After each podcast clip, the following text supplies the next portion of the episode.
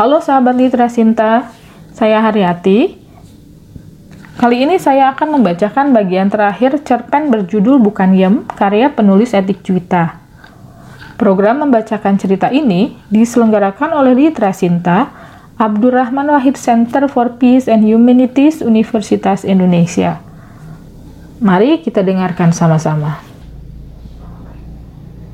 Selepas sarapan pagi di sebuah warung, kami dibawa ke tempat yang saya benar-benar tidak tahu namanya. Pada sebuah rumah di mana kami boleh mandi dan duduk di lantai berkarpet. Ada beberapa orang lain yang mungkin tiba beberapa saat sebelum kami. Mereka menuju Jawa Timur. Kami hanya berpapasan beberapa menit saja.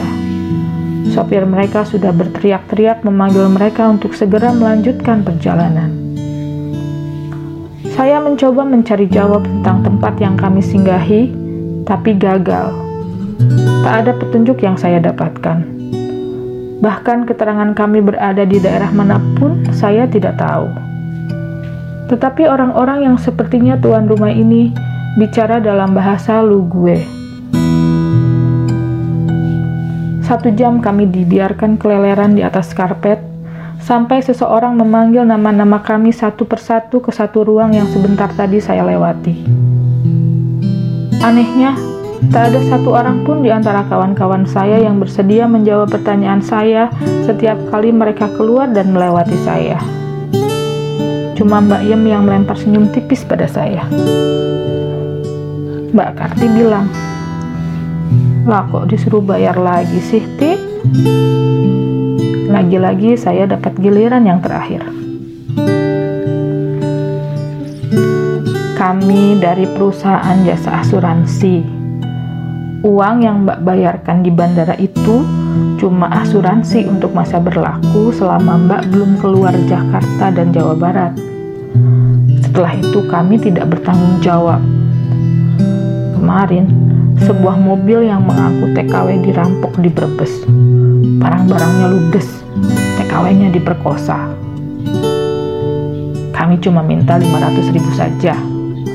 Sudah termasuk pesangon untuk sopir dan kernet yang mengantar. Ya tapi itu terserah mbak lah. Mbak sayang duit atau keselamatan mbak sendiri.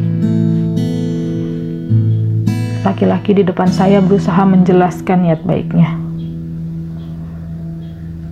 Baik sekali Bapak ya, boleh minta kartu namanya, Pak? Saya menerapkan ajaran majikan untuk tidak mempercayai orang asing. Lagi pula, saya mengira ia sedang berusaha mengompas saya dan teman-teman. Ia geragapan. Matanya jalang mengamati meja di antara kami yang tak ada apa-apanya selain asbak. Wah, maaf mbak, Kebetulan saat ini kartu nama saya habis. Jawabnya kemudian.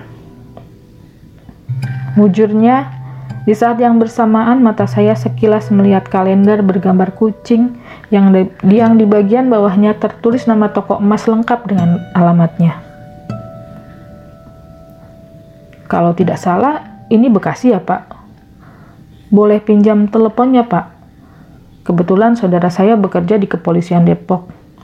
Saya tidak bawa uang sebanyak itu. Saya pikir saya akan minta dijemput saja dari sini. Apalagi jika travel tidak memberi jaminan keselamatan buat saya. Saya sendiri bahkan takjub oleh ketenangan saya. Lelaki di depan saya berdiri. Saya pikir ia akan membentak atau memukul saya. Ternyata ia menuju kipas angin di pojok ruangan, lalu menyalakannya. Rupanya percakapan kami telah membuatnya gerah. Sebentar, Mbak. Saya keluar dulu, katanya.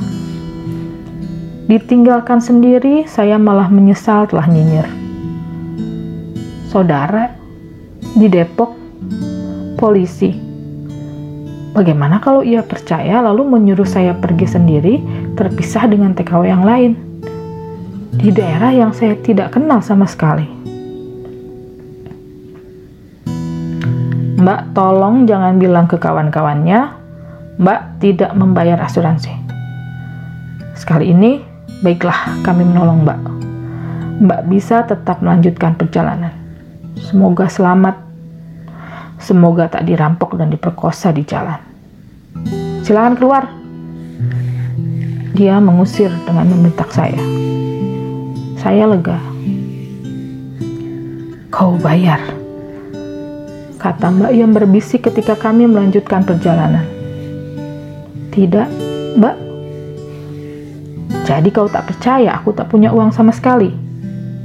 Oh, maaf.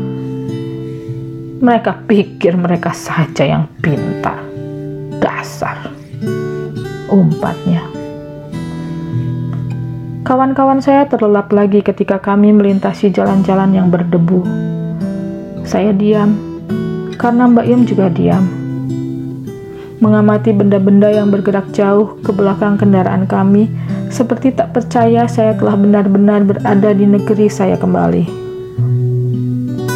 Dua tahun ternyata mampu mengubah banyak hal. Banyak sekali orang-orang berhati aspal, bermuka aspal, berkelakuan seperti aspal, hitam dan tak bernaluri. Entah berapa lama saya terlelap Meski tak suka tidur di mobil, didera capek saya kelengar juga. Mobil sudah melintasi jalan yang bergerunjal oleh batu-batu. Tubuh saya menjundal-jundal, barang bawaan kami melorot menimpa tubuh kami.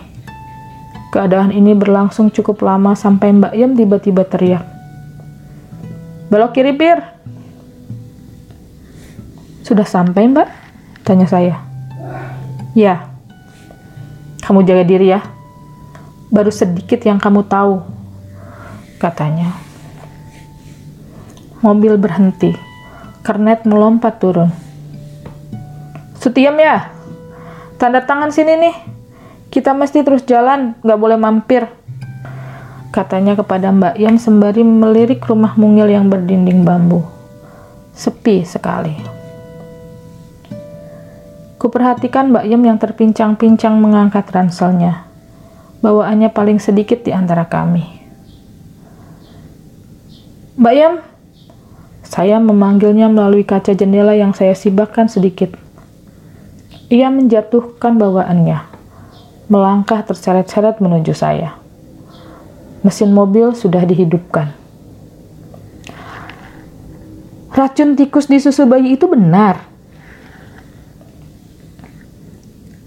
Aku bukan Yem. Aku orang bebas. Katanya. Ia tersenyum. Saya tak pernah mampu mengartikan senyumnya yang terakhir kala itu. Bahkan ketika saya memutuskan untuk menceritakan ini kepadamu. Mungkin ia bilang bahwa ia pun bisa memberikan penderitaan pada manusia lain. Pernah kau bayangkan anakmu kau beri susu bercampur racun tikus? Iya, bukan yang barangkali sudah melakukannya. Pada keluarga tuan minyak yang berbini tiga beranak sepuluh. Tapi, Mbak Yem, mungkin bukan Yem, tidak bilang iya. Cuma samar. Hanya samar.